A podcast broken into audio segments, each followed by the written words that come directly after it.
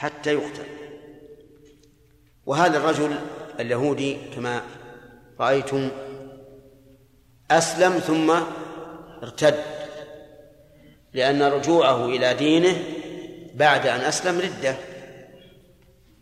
ويقول لا أجلس حتى يقتل قضاء الله ورسوله أي هذا قضاء الله ورسوله أي حكم الله ورسوله. والقضاء المضاف إلى الله عز وجل ينقسم إلى قسمين. قضاء شرعي وقضاء قدري. فالقضاء الشرعي هو الحكم الشرعي. كالأمر والنهي وما يتعلق به والقضاء القدري هو الحكم الكوني الذي يقضي به الله عز وجل ولا بد من وقوعه. مثال الأول القضاء الشرعي قوله تعالى وقضى ربك ألا تعبدوا إلا إياه. هذا قضاء شرعي يعني أمر بذلك. والدليل على أنه قضاء شرعي أن من الناس من لم يعبد الله ولم يمتثل هذه الأوامر. ولو كان قضاء كونيا لامتثل جميع الناس. ومثال الثاني وهو القضاء الكوني قوله تعالى وقضينا إلى بني إسرائيل في الكتاب لتفسدن في الأرض مرتين ولتعلن علوا كبيرا. فالقضاء هنا لا شك أنه قضاء قدري إذ لا يمكن أن يقضي الله قضاء شرعيا يتضمن الإفساد في الأرض. هنا قضاء الله ورسوله مراده الشرعي. قضاء الله ورسوله ولم يقل قضاء الله ثم رسوله. لأن الأحكام الشرعية حق سواء من الله أو من رسوله. والحكم الصادر من الرسول كالحكم الصادر من عند الله. فأمر به فقتل. أمر به يحتمل أنه معاذ بن جبل ويحتمل أنه أبو موسى. والمهم أنه قتل هذا اليهودي لماذا؟ لأنه أسلم ثم ارتد. وفي رواية لأبي داود متفق عليه وفي رواية لأبي داود وكان قد استتيب قبل ذلك. استتيب أي طلب منه التوبة والرجوع إلى الإسلام ولكنه أصر فقتل. هذا الحديث أصل في قتل المرتد وكذلك الحديث الذي بعده حديث ابن عباس رضي الله عنهما أن قال قال رسول الله صلى الله عليه وعلى آله وسلم من بدل دينه فاقتلوه. من بدل دينه أي دينه الإسلامي فاقتلوه. أما من بدل دينه غير الإسلامي فإننا نرحب به ولا نقتله لكن مراد قتل الدين دين الإسلام. هذان حديثان في هما أصل في قتل المرتد. فلا بد إذن من أن نعرف من هو المرتد. المرتد هو الذي كفر بعد إسلامه. وهو في اللغة هو الراجع. مأخوذ من ارتد بمعنى رجع. ولكنه شرعا هو الذي يكفر بعد إسلامه والكفر يدور على شيئين إما جحد وإما استكبار إما جحد وإما استكبار. فمن جحد شيئا مما أخبر الله به ورسوله أو مما حكم الله به ورسوله فأنكر الحكمة وجحده فإنه كافر. مثال ذلك لو قال إن آية من القرآن ليست منه. قال هذه الآية ليست من القرآن. فإنه كافر. كفر إيش؟ كفر جحود. ولو قال إن الصيام ليس فريضة فهو كافر كفر جحود. ولو صام. ومن قال إن الزنا ليس محرما. فهو كافر كفر جحود وهل مجر. ومن جحد ما وصف الله به نفسه فهو كافر إذا كان كفره كفر جحود. إذا كان نعم إنكاره إنكار جحود.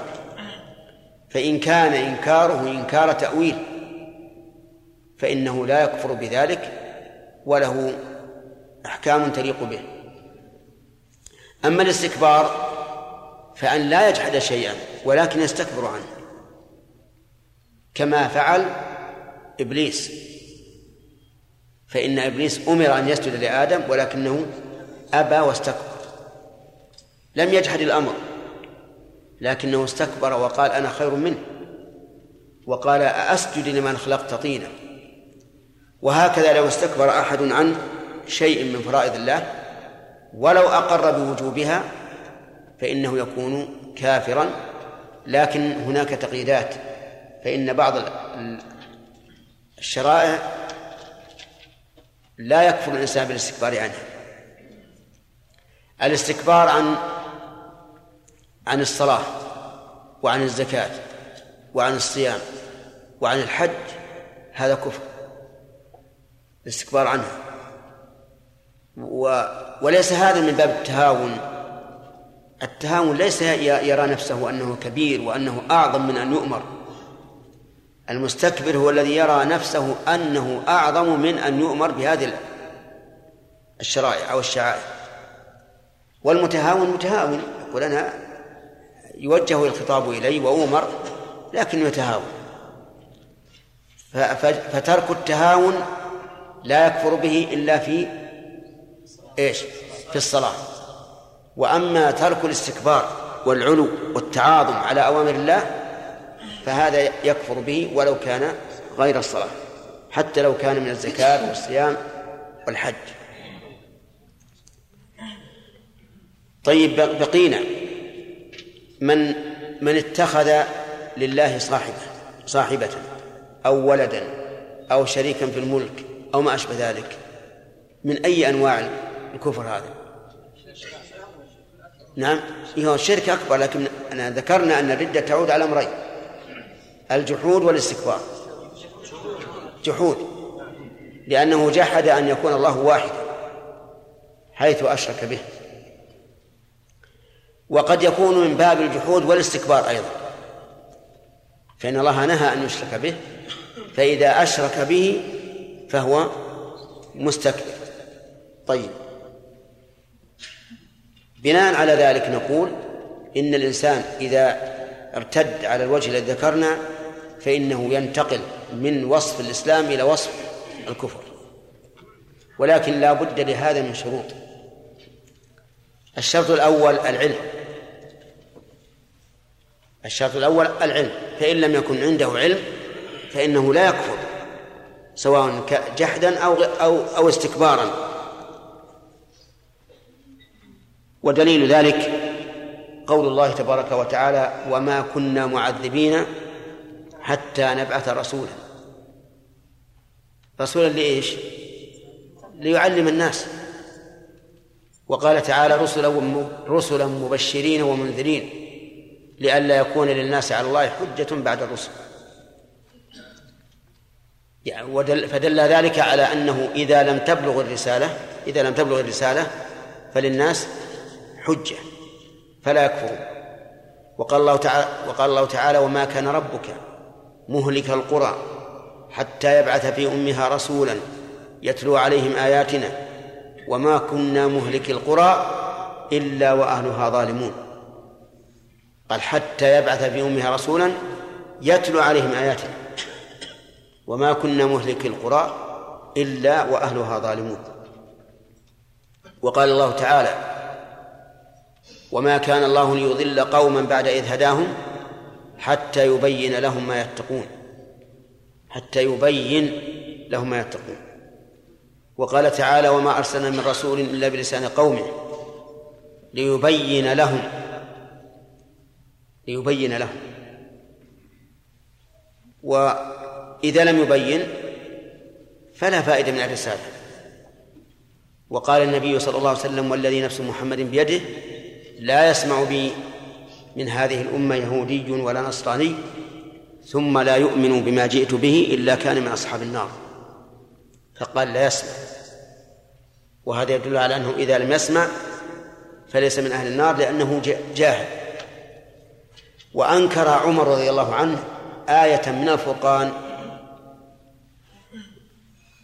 لأنه سمعها من النبي صلى الله عليه وسلم على غير الوجه الذي سمعها من قارئها. حتى إنه خاصمه وذهب به إلى الرسول عليه الصلاة والسلام. فحكم بينهما وقال هكذا أنزلت. لما قال عمر ولما قال الرجل الآخر. ومعلوم أن إنكار آية أو حرف من القرآن كفر. لكن عمر لم يعلم. إذا لا بد من العلم. لا بد من العلم. فإن قال قائل إذا ادعى أنه جاهل فهل تقبل دعوى الجهل نقول في هذا تفصيل.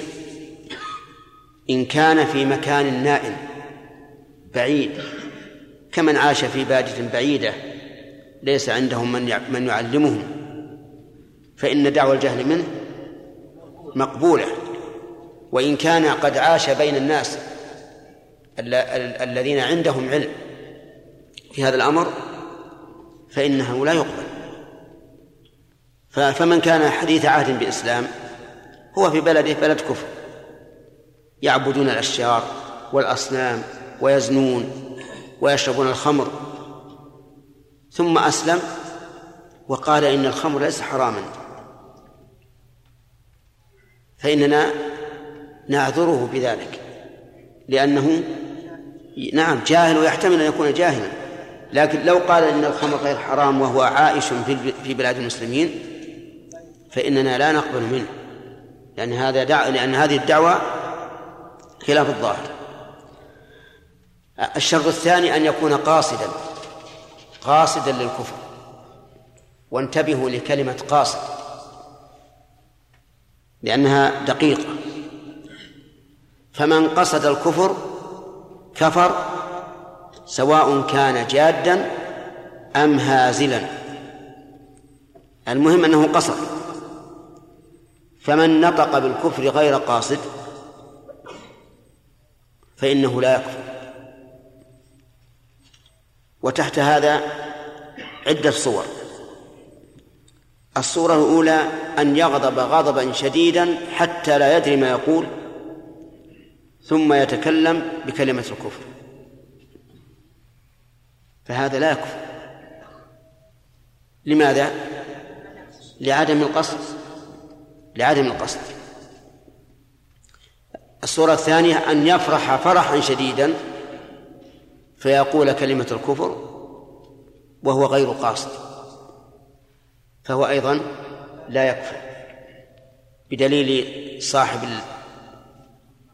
الناقة الراحلة التي أظلها حتى اضطجع تحت شجرة ينتظر الموت فإذا بخطام ناقته متعلقا بالشجرة فأخذ به وقال اللهم أنت عبدي وأنا ربك.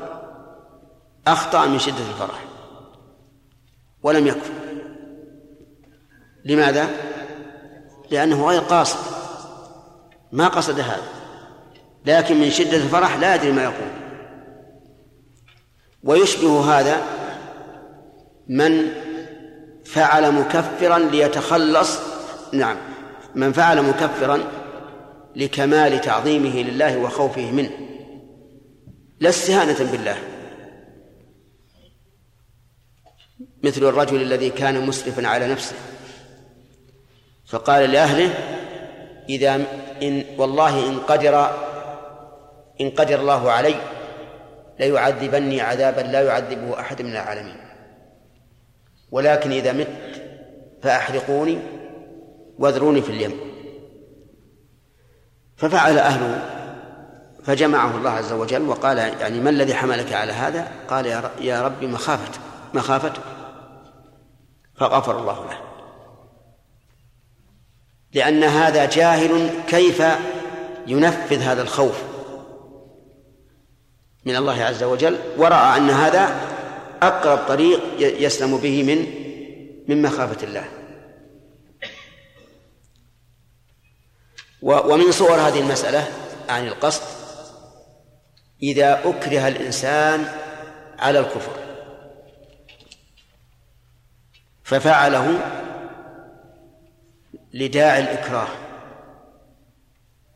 لا قاصدا إياه فإنه لا يكفر. لقول الله تعالى من كفر بالله من بعد إيمانه إلا من أكره وقلبه مطمئن بالإيمان ولكن من شرح بالكفر صدرا فعليهم غضب من الله ولهم عذاب عظيم. ولا فرق بين أن يكره على قول أو على فعل.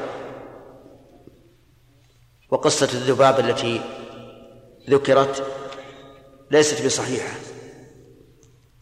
الذي التي فيها أنه قيل لأحدهم قرب ولو ذبابا فقرب ذبابا فدخل النار وقيل الآخر قرب فقال ما كنت لأقرب لأحد شيئا دون الله فإنها غير صحيحة. ثم على فرض صحتها هي في شرع من قبلنا وقد ورد شرعنا بخلافه لقوله تعالى إلا من أكره وقلبه مطمئن بالإيمان ولم يقيد ذلك من أكره بقول. وكذلك الحديث إن الله تجاوز عن أمة الخطأ والنسيان وما استكرهوا عليه. المهم أن هذه الصور كلها تدخل تحت كلمة قصد الكفر.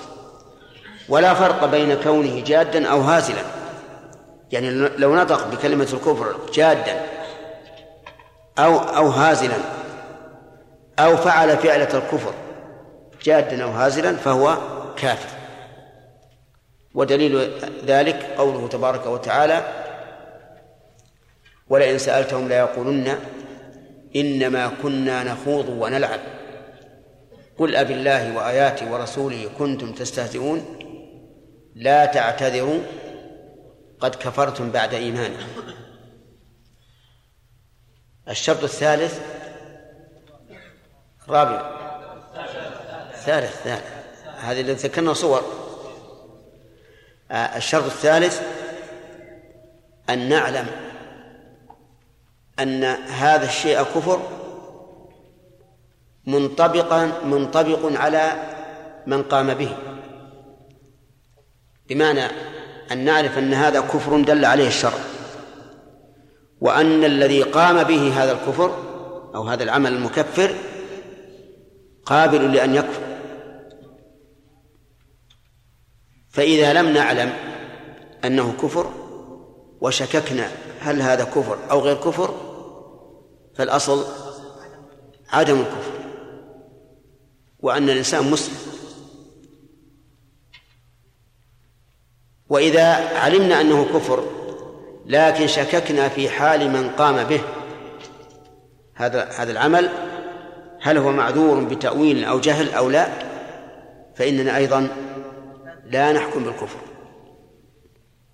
ولهذا قال منع النبي عليه الصلاة والسلام من منابذة الولاة قال إلا أن تروا كفرا بواحا عندكم فيه من الله برهان. فهذه قيود مبينة عظيمة. أن تروا يعني تعلموا وضده الجهل أو الظن. كفرا أي لا فسقا. لابد أن نعلم أنه كفر.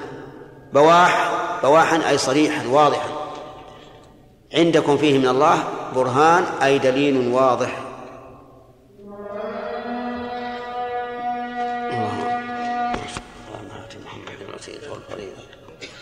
مقام محمود وأنت بالنسبة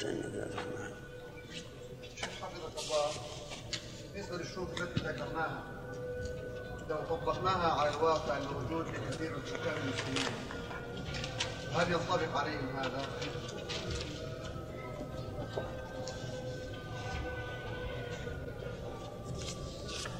إذا وجدت الشروط ثبت المشروط.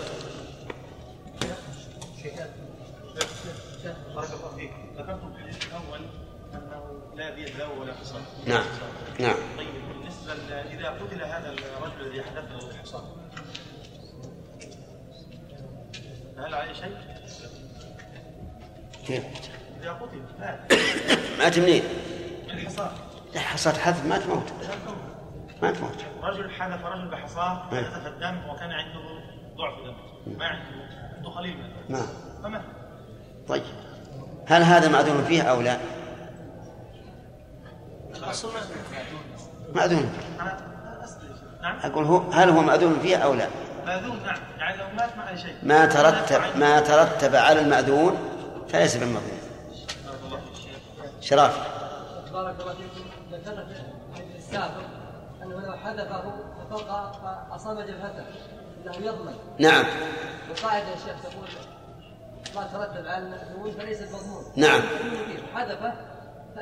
لا ما أذن أن تكون في الجبهة. هذا خطأ. هذا أراد فعلا مأذونا فيه فأخطأ.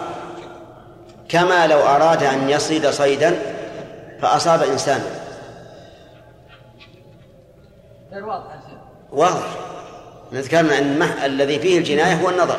لكن عندما حذف يا شيخ نعم. كان مأذونا له؟ نعم. حذف فتحرك. نعم. إي نعم. كيف يضمن؟ هو عندما أطلق لا ما هو هذا. هذا رجل حذف يريد العين فأصاب الجبهة. أما لو كان بفعل ال- الجاني فهذا ينظر فيما لو رمى حربيا فأسلم قبل أن تصيبه قبل أن تص- أن يصيبه السهم. هل يضمنه أو لا؟ وفيه خلاف بين العلماء. فهذه تنبني على هذا. لكن مرادنا أنه أراد عينه فأخطأ. بدون حركة من من الناظر. نعم. أحسن الله إليكم. تعلمون أن من شروط صلح الحديبية أن من كفر من المسلمين ورد ورد ورد أراد الرجوع إلى قريش فإن النبي صلى الله عليه وسلم يرده أحسن الله إليكم. هل يكون هذا الحديث ناسخا له؟ ثم هل يكون للإمام؟ من جاء منهم. نعم. من جاء منهم. من ج... من من ما هو ليس من ارتد من وقد جاء من قبل الصلح. سم. الصلح اللي جرى أن من جاء من المشركين مسلما أو غير مسلم. رد. من جاء بعد الصلح. لكن قول النبي صلى الله عليه وسلم ومن كفر من أراد أن يأتي منهم فسيأتي به الله أو سيجعل الله له لا يقول من ردناه إليهم أي فلا رده الله. لا. قال من, من أرادهم فلا رده الله. وأما من جاء منهم فرددناه. فسيجعل الله له مخرجا. لكن أحسن الله إليكم هل للإمام أن يقوم مقام النبي عليه الصلاة والسلام ويلغي دلالة هذا الحديث في زمننا الحاضر؟ أصل بارك الله فيك هذا ما هو ما, ما حصل. الرسول يقول من جاء منكم من جاء منهم نرده إليهم أي نعم. كذا ولا لا؟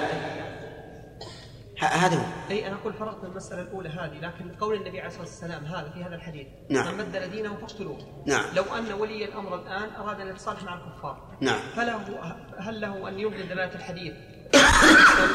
نعم. له, له أن يفعل كما فعل الرسول في الحديبية. لأن الرسول مشرع.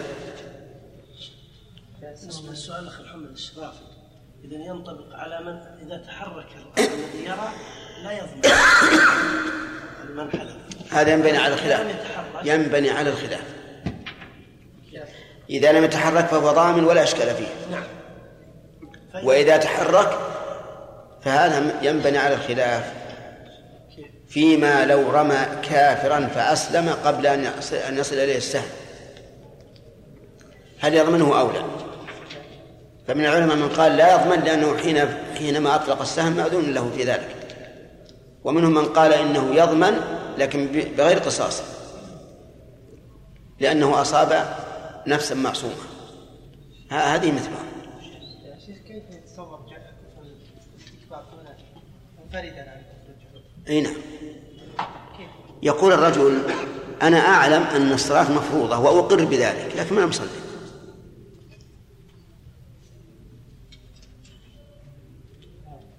واضح بس ما يعتبر هذا ما هو قلنا إن كفر إبليس استكبار. أي نعم بس ما يعتبر يا شيخ أن هذا قد جحد قدرة الله عليه. لا لا ما جعل قدرة الله ولا شيء. مستكبر. نعم. أثابكم الله يا شيخ قلتم أن المعذور الكفر هو من كان بعيدا لا يتصل بالناس كالبلد لا دعوى دعوى الجهل. دعوة جهل نعم. هناك نعم. ناس الآن في في البلاد الاوروبيه وما أشبهها مغللون بوسائل الإعلام. لا يعلمون عن الإسلام شيئا ويقال تقول لهم وسائل الإعلام وما أشبهها.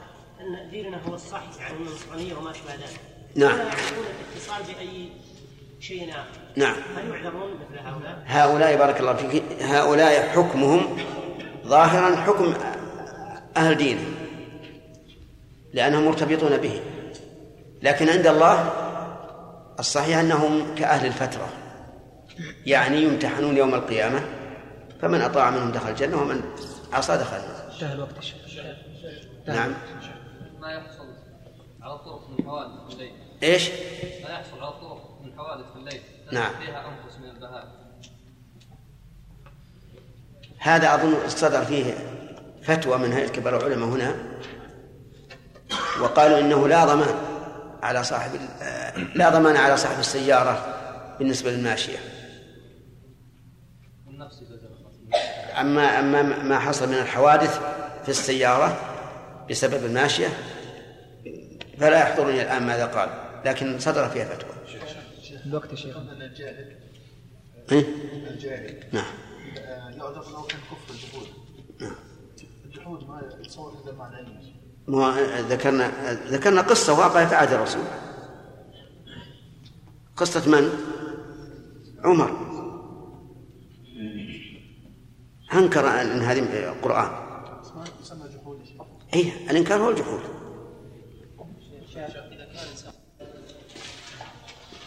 ما تقول في بهيمة انطلقت على ثمرة نخلة فأكلتها هل يضمن صاحبها أو لا؟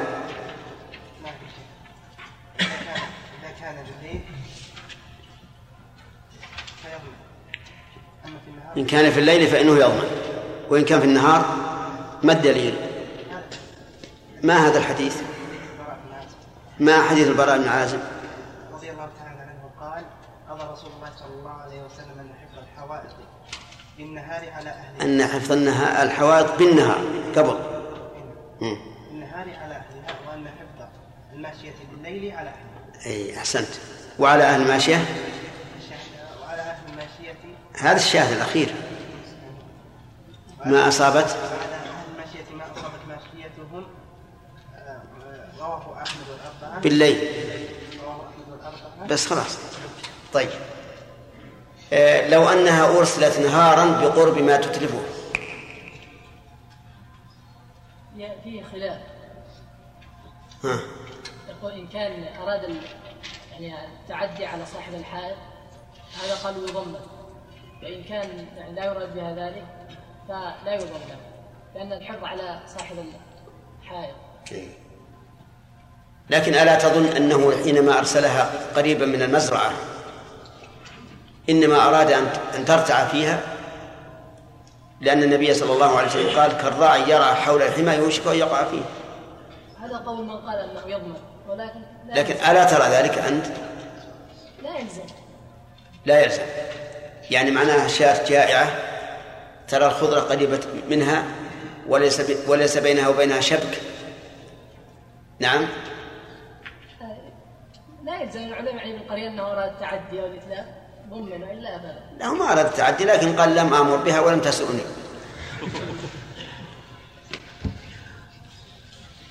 إيش؟ من عند جواب نعم. يعتبر استثناء استثناء دل عليه العلة لأن هذا لا شك أنه معتدي. كونه يأتي بر- بماشيته قريبا من المزرعة. نعم. ما في شك أن الماشية ليس عندها عقل. طيب. لو أن العرف انقلب يا بن داود. انقلب العرف وصار الناس يحرسون في الليل أه- أهل الحوائط. وفي النهار يتركونها. وأهل المواشي يطلقونها في الليل ترعى وفي النهار يمسكونها. ينقلب الحكم ها؟ ينقلب الحكم ينقلب الحكم. يعني إذا إذا اختلف العرف اختلف الحكم. بناء على إيش؟ على أن الحكم هذا لعلة نعم. يعني ما ليس ما تقولون في هذا؟ العلة تدور مع المعلول سلبا وإيجابا فإذا بطلت العلة يعني أنه توافق. نعم. توافقه طيب لو قال قائل إن ظاهر الحديث ظاهر الحديث العموم. على أهل المواشي حفظوها في الليل وعلى أهل الحوائط حفظوها بالنهار وكأن هذا إشارة من النبي عليه الصلاة والسلام إلى أن أهل المواشي لا يطلقونها في الليل أولا لأنها ربما تضيع ربما تسرق بخلاف النهار. يعني فيكون في هذا إرشاد أيضا إلى أننا لا نطلق البهائم في الليل. ربما يكون. ثم إن العلة إذا عادت إلى إلى النص بالإبطال ينظر فيها. على كل حال هذه المسألة فيها خلاف.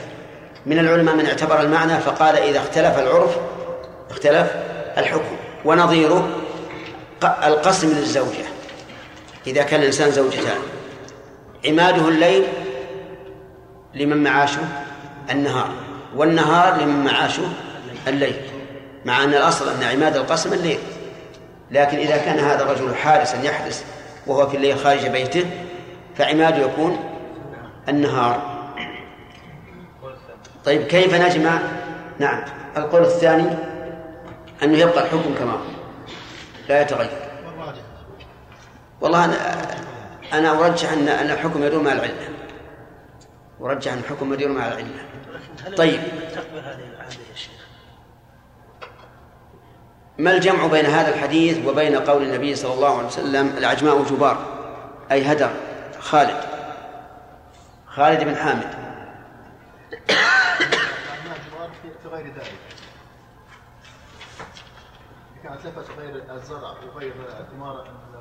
النخل مثلا؟ يعني هذا مستثنى من العموم مستثنى من العموم طيب تخصيص. هذا مخصص مخصص للعموم. طيب.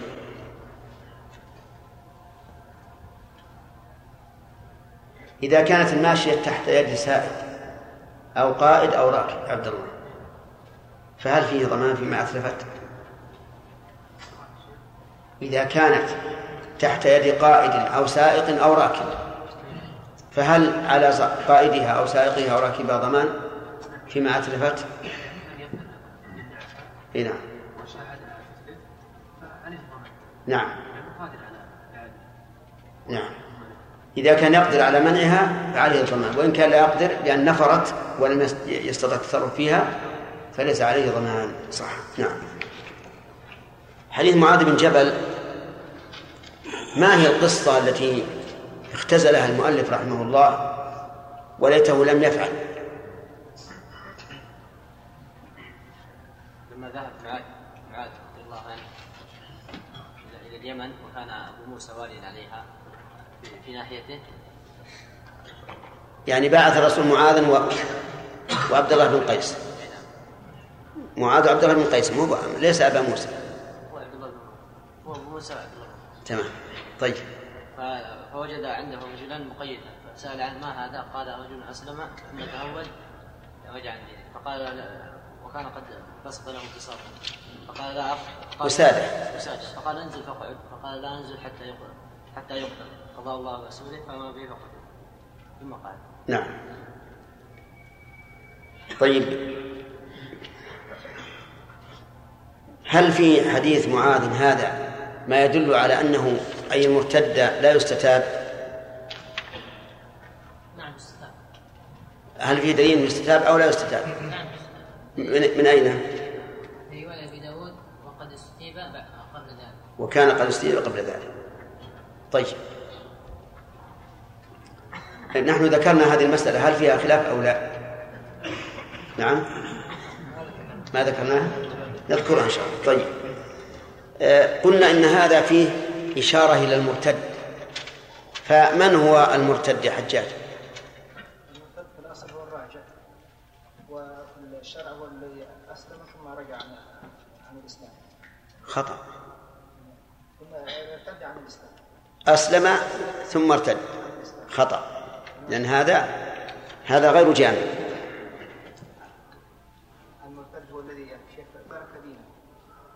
يعني يهودي صار نصرانيا. يعني من ترك دين الإسلام. بعد أن أسلم بعد أن أسلم. خطأ. الذي كفر بعد إسلامه يعني سواء كان أصليا أو أو أو غير أصلي يعني سواء كان أصل من أصل مسلم أو كان كافرا ثم أسلم ثم ارتد. طيب. ذكرنا شروطا للردة ونحن نطلب من أحدكم أن ينقل لنا هذا بورقة لعلنا نضيف إلى بعض الإضافات ونكتب ما تيسر. فمن يستعد لذلك؟ ما شاء الله. اثنين. طيب. أنا كاتبها أصلا. كتبتها؟ إذا أحببت مليت عليك. لا ما بيكتب لي عليها تعطيها مكتوبة جزاك الله من الأشرطة أضبط هي من الأشرطة. من الأشرطة. تقريبا ما فاتتني كلمة ما ما هو صحيح. هذا غير مقبول. يطبق على الشريك نعم. ها؟ لا لا يا شيخ هو صحيح. إن أحببت كتبتها لك و... على كل حال نحن يستمع إليها أي أحد. نحن نرغب نرغب إن شاء الله أن تكتب لأن نجمع ما, ما قلنا فيها وفي في الجامعة. نعم.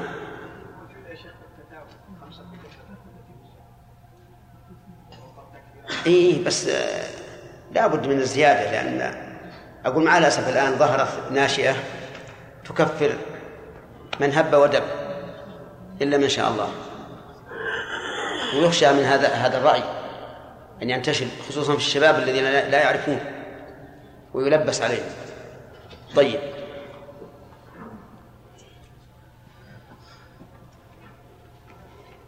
في حديث معاذ إشكال.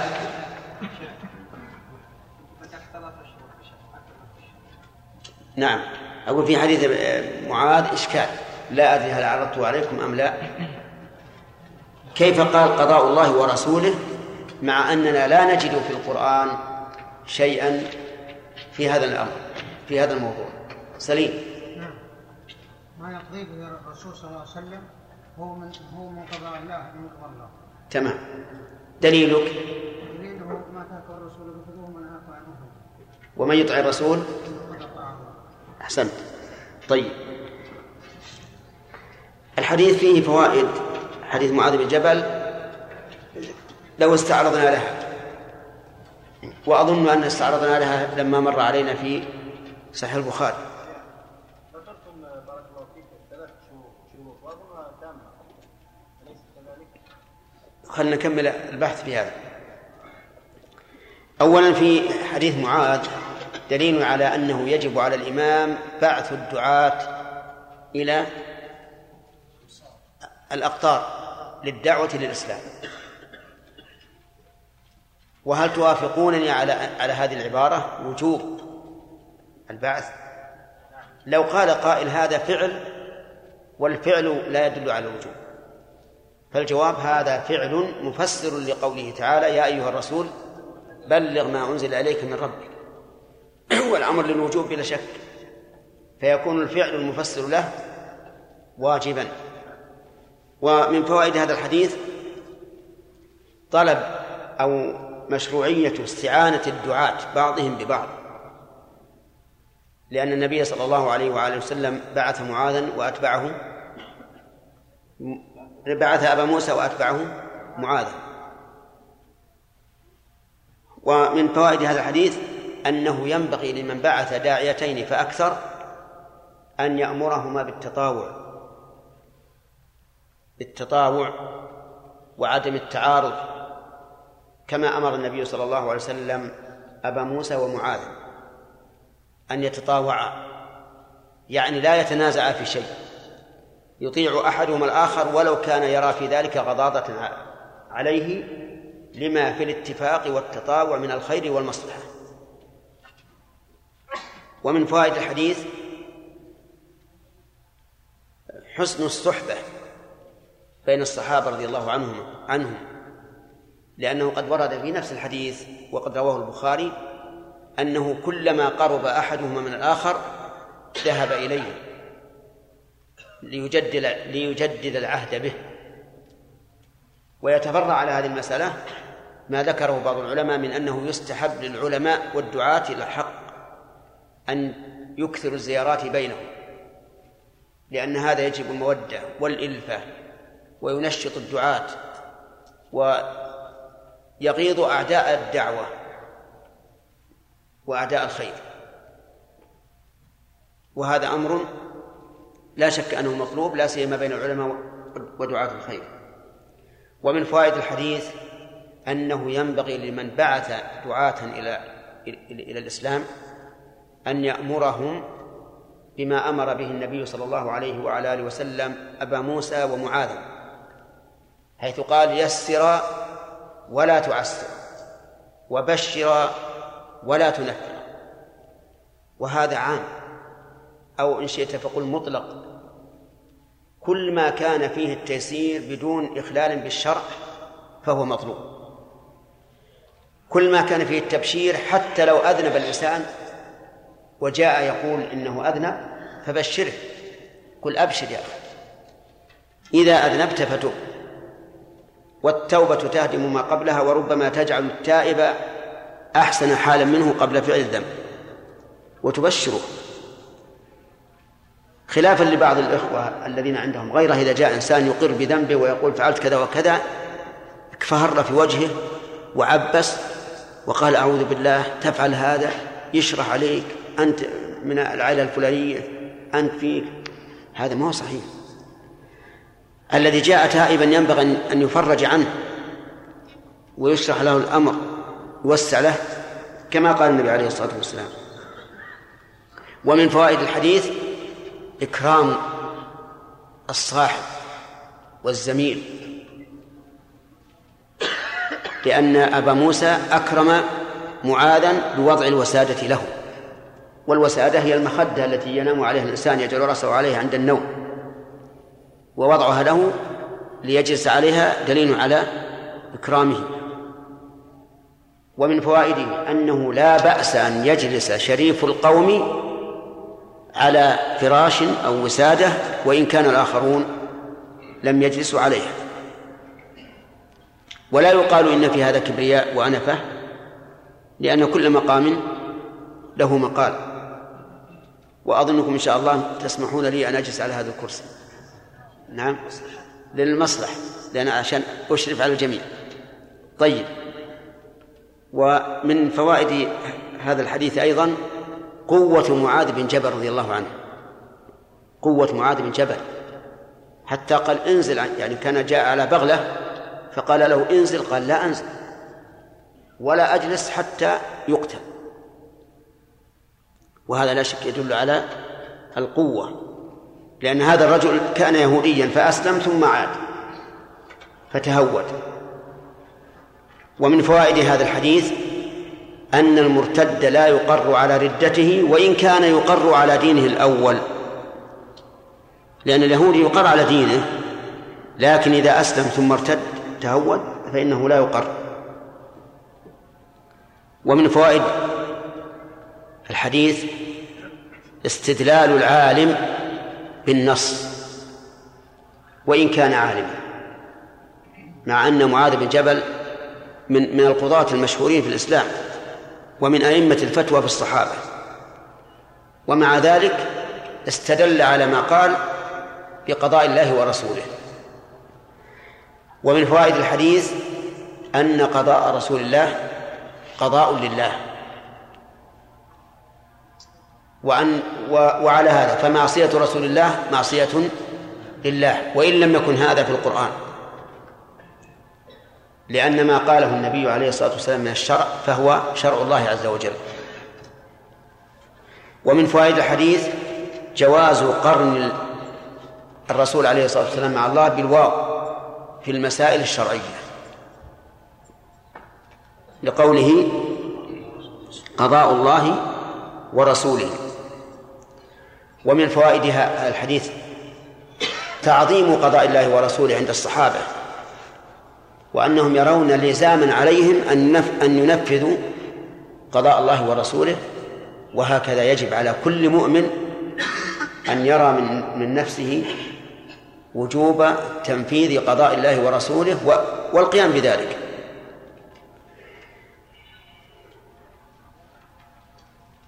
ومن فوائد هذا الحديث إذا لم نعتبر رواية أبي داود أن المرتد يقتل بدون بدون استتابة هذا ما ما تيسر لنا الآن من هذا من فوائد هذا الحديث. ثم نبدأ بدرس بالدرس الجديد. قال عن ابن عباس رضي الله عنهما قال قال رسول الله صلى الله عليه وعلى, وعلى آله وسلم من بدل دينه فاقتلوه. من؟ هذه من؟ شرطية. وألفاظ الشرط تفيد العموم. وجواب الشرط قوله فاقتلوه وإنما اقترن الجواب بالفاء لأنه جملة طلبية. والناظم يقول في الجمل التي يجب أن تقترن بالفاء إذا وقعت جوابا ماذا يقول؟ اسمية. طلبية. وبجامد. وبما. ولن. وبقد. وبالتنفيس. طيب هذه من الطلبية. يقول من بدل دينه. يعني أتى بدين غير غير دينه الذي كان عليه فاقتلوه. والخطاب هنا للأمة جميعا. لكن المراد بذلك ذو ذو الأمر منها. المراد بذلك ذو الأمر منها. لأن ذوي الأمر نواب عن الأمة. ذوي الأمر نواب عن الأمة. ولهذا قال العلماء إن إن ولي الأمر نائب عن الأمة. فهو نائب عنها يرعى مصالحها ولهذا لا يمكن أن يكون خليفة إلا بالمبايعة من ذوي الأمر من ذوي الشأن والجاه أو بنص من ممن قبله حسب ما ذكره العلماء في هذه المسألة فإذا وجه الأمر في الحدود وقتل المرتد إلى الجماعة فالمراد بذلك من؟ ولي الأمر ليش؟ لأنه نائب عن الجماعة في هذا الحديث فوائد لا قبل هذا أن نسأل. سياق هذا الحديث سياق هذا الحديث في قصة وردت عن علي بن أبي طالب رضي الله عنه وهو أنه رفع إليه قوم من الزنادقة. والزنادقة قيل إنهم الدهريون الذين يقولون ما هي إلا حياتنا الدنيا نموت ونحيا وما يهلكنا إلا الدهر. وقيل إنهم المنافقون.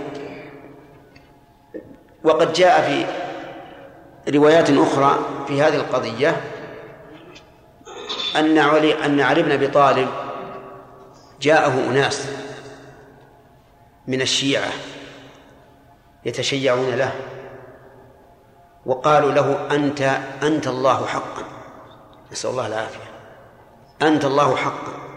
أنت الذي خلقتنا وأنت الذي رزقتنا. فنهاهم. فأصروا إلا كذلك.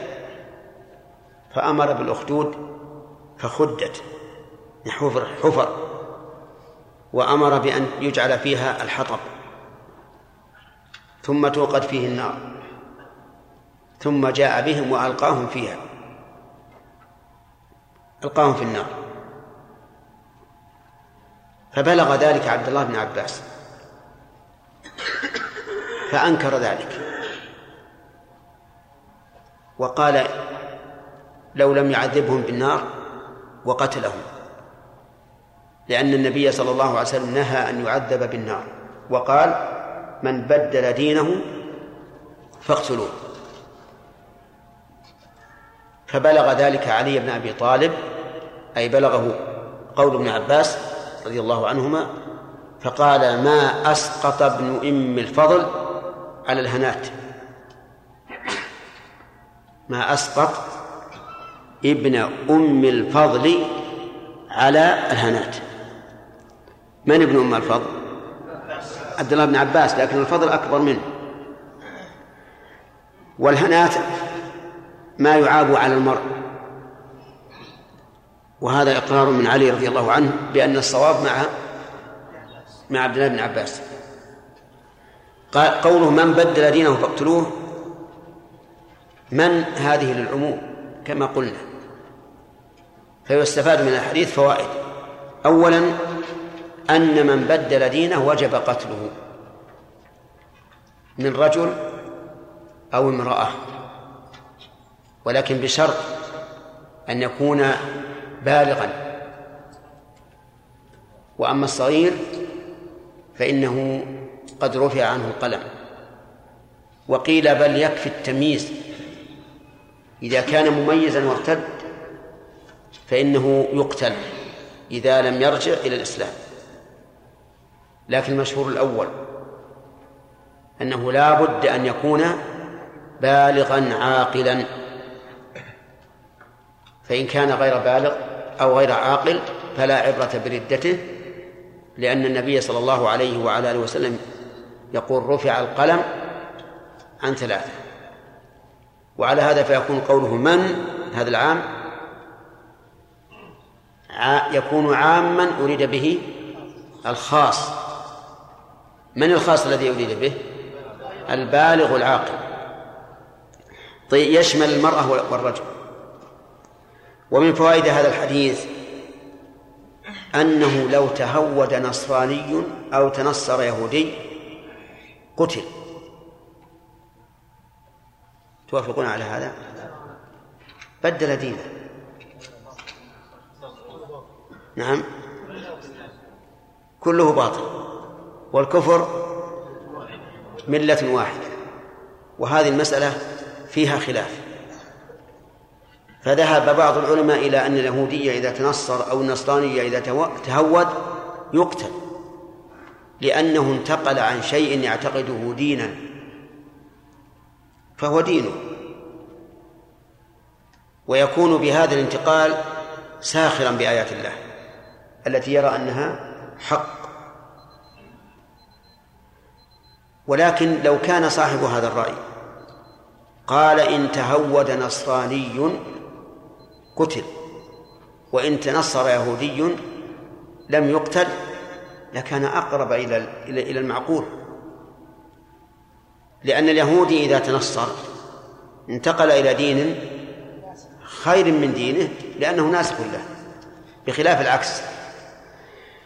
لكن كلا الاحت... نعم القول هذا ضعيف. القول هذا ضعيف. فالحديث لا يشمله لا شك. والدليل على أن الحديث ليس على عمومه في كل صورة أننا لو أخذنا بعمومه في كل صورة لكان الرجل إذا أسلم وهو كافر يقتل لأنه بدل دينه ولا قائل به. وعلى هذا فنقول إذا انتقل الكافر إلى الإسلام فإنه لا يقتل بالإجماع مع أنه بدل دينه. وإذا انتقل كافر من ملته إلى ملة أخرى ففيه خلاف والصحيح أنه لا يقتل لأن كلا الدينين باطل. لكن بعض العلماء يقول إنه إذا تهود النصراني أو تنصر اليهودي فإنه لا يقبل منه إلا الرجوع إلى دينه أو أو الإسلام لأنه متلاعب لكنه لا يقتل. بل يقال الآن ارجع لدينك أو الإسلام. الصورة الثالثة أن ينتقل من الإسلام إلى الكفر. فهذا هو الذي يقتل وهذا هو المراد. وعلى هذا فقوله من بدل دينه أي دينه الذي يرتضيه الله والذي هو دينه شرعا. لأن لأن الدين غير دين الإسلام وإن كان دين الإنسان قدرا فليس دينه شرعا. ويكون مراد من بدل دينه الشرعي ولا دين شرعي إلا الإسلام. فيكون إذن الحديث من من ارتد عن الإسلام إلى دين آخر وجب قتله. وإنما يقتل لأنه انتقل إلى ما لا يرضي الله. إذا انتقل من الإسلام إلى الكفر. أما إذا انتقل من يهودية إلى نصرانية فكلاهما لا يرضى عند الله. على أنه ورد فيه حديث لكنه في السنن ما هو في الصحيحين؟ أنه من اختار غير الإسلام دينا. فاقتلوه. نعم.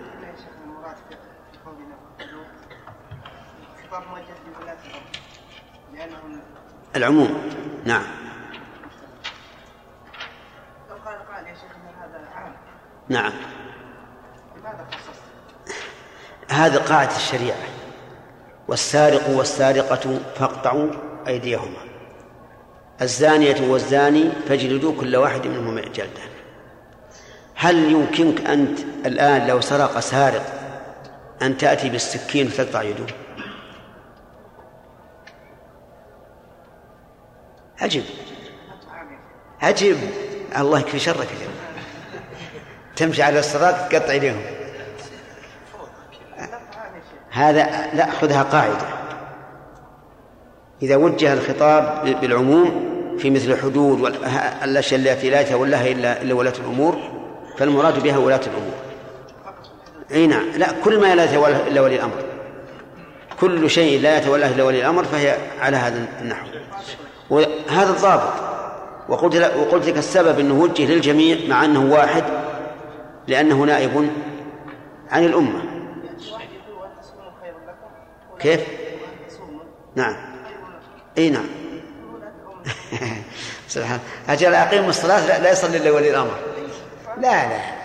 فرق بين هذا وهذا. لأن هذه حدود وتقويم الأمة. ما هو لكل واحد. لو كانت كذلك صارت فوضى. ما الفائدة من ولاة الأمور؟ مبايعتهم والطاعة لهم والسمع لهم. نعم. شيخ ذكرت في قتل في قتل المرتد ثلاث شروط هل تمت ولا يوجد غيرها؟ ما هي الشروط؟ شيخ ذكرت اولا العلم. وذكرت العلم بإيش؟ العلم بأن هذا يفعله كفر لأن- يعني ثبوت أن هذا كفر بالأدلة الشرعية أو الإجماع. هذه واحدة. وذكرت القصد إلى ذلك والثاني علم علم المخاطب. ذكرت ان ذكرت العلم العلم لا يكون جاهلا لقوله تعالى وما كنا معذبين لا والعلم بأن هذا كفر ده هذا أهم. نعم. ثم ثم القصد إلى الكفر. نعم. ثم ثالثا قلت ان أن نعلم أن هذا الشيء كفر مطابق لمن قام به.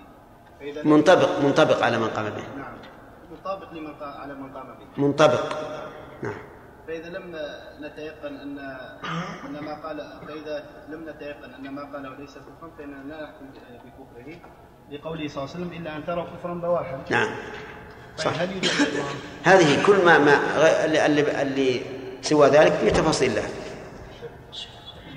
نعم سامح إذا كان أولياء الأمور ولي الأمر لا يقيم حد الردة فهل أحد المسلمين أن يقيم هذا هذه العقوبة على من ارتد يقينا أما إذا كانوا في بلد كافر فلا بأس أن يكونوا لهم قائدا يقودهم بكتاب الله. كما يوجد الآن في اتحاد ال- الشباب الإسلامي وفي في بعض المدن. أما إذا كان بلد إسلامي فلا يجوز. إذا لم يقم الحدود فالإثم عليه هو. لكن القصاص أما كان حقا خاصا فلأولياء المقتول أن يقتصوا من القاتل ما لم يترتب على ذلك فتنة أكبر. ليس لهم أن يقولوا هذا من حمل الشريعة فنحن نقيمها إذا لم لا ما يمكن ما يمكن. تعطيل الحدود ليس كفرا.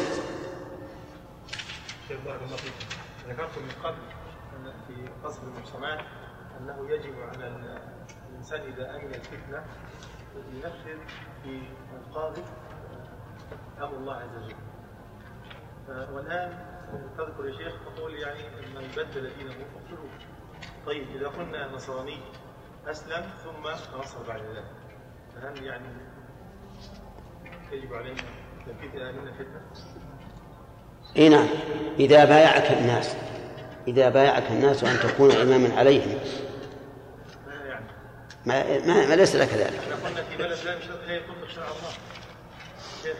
ما ما يجوز ما يجوز. ها؟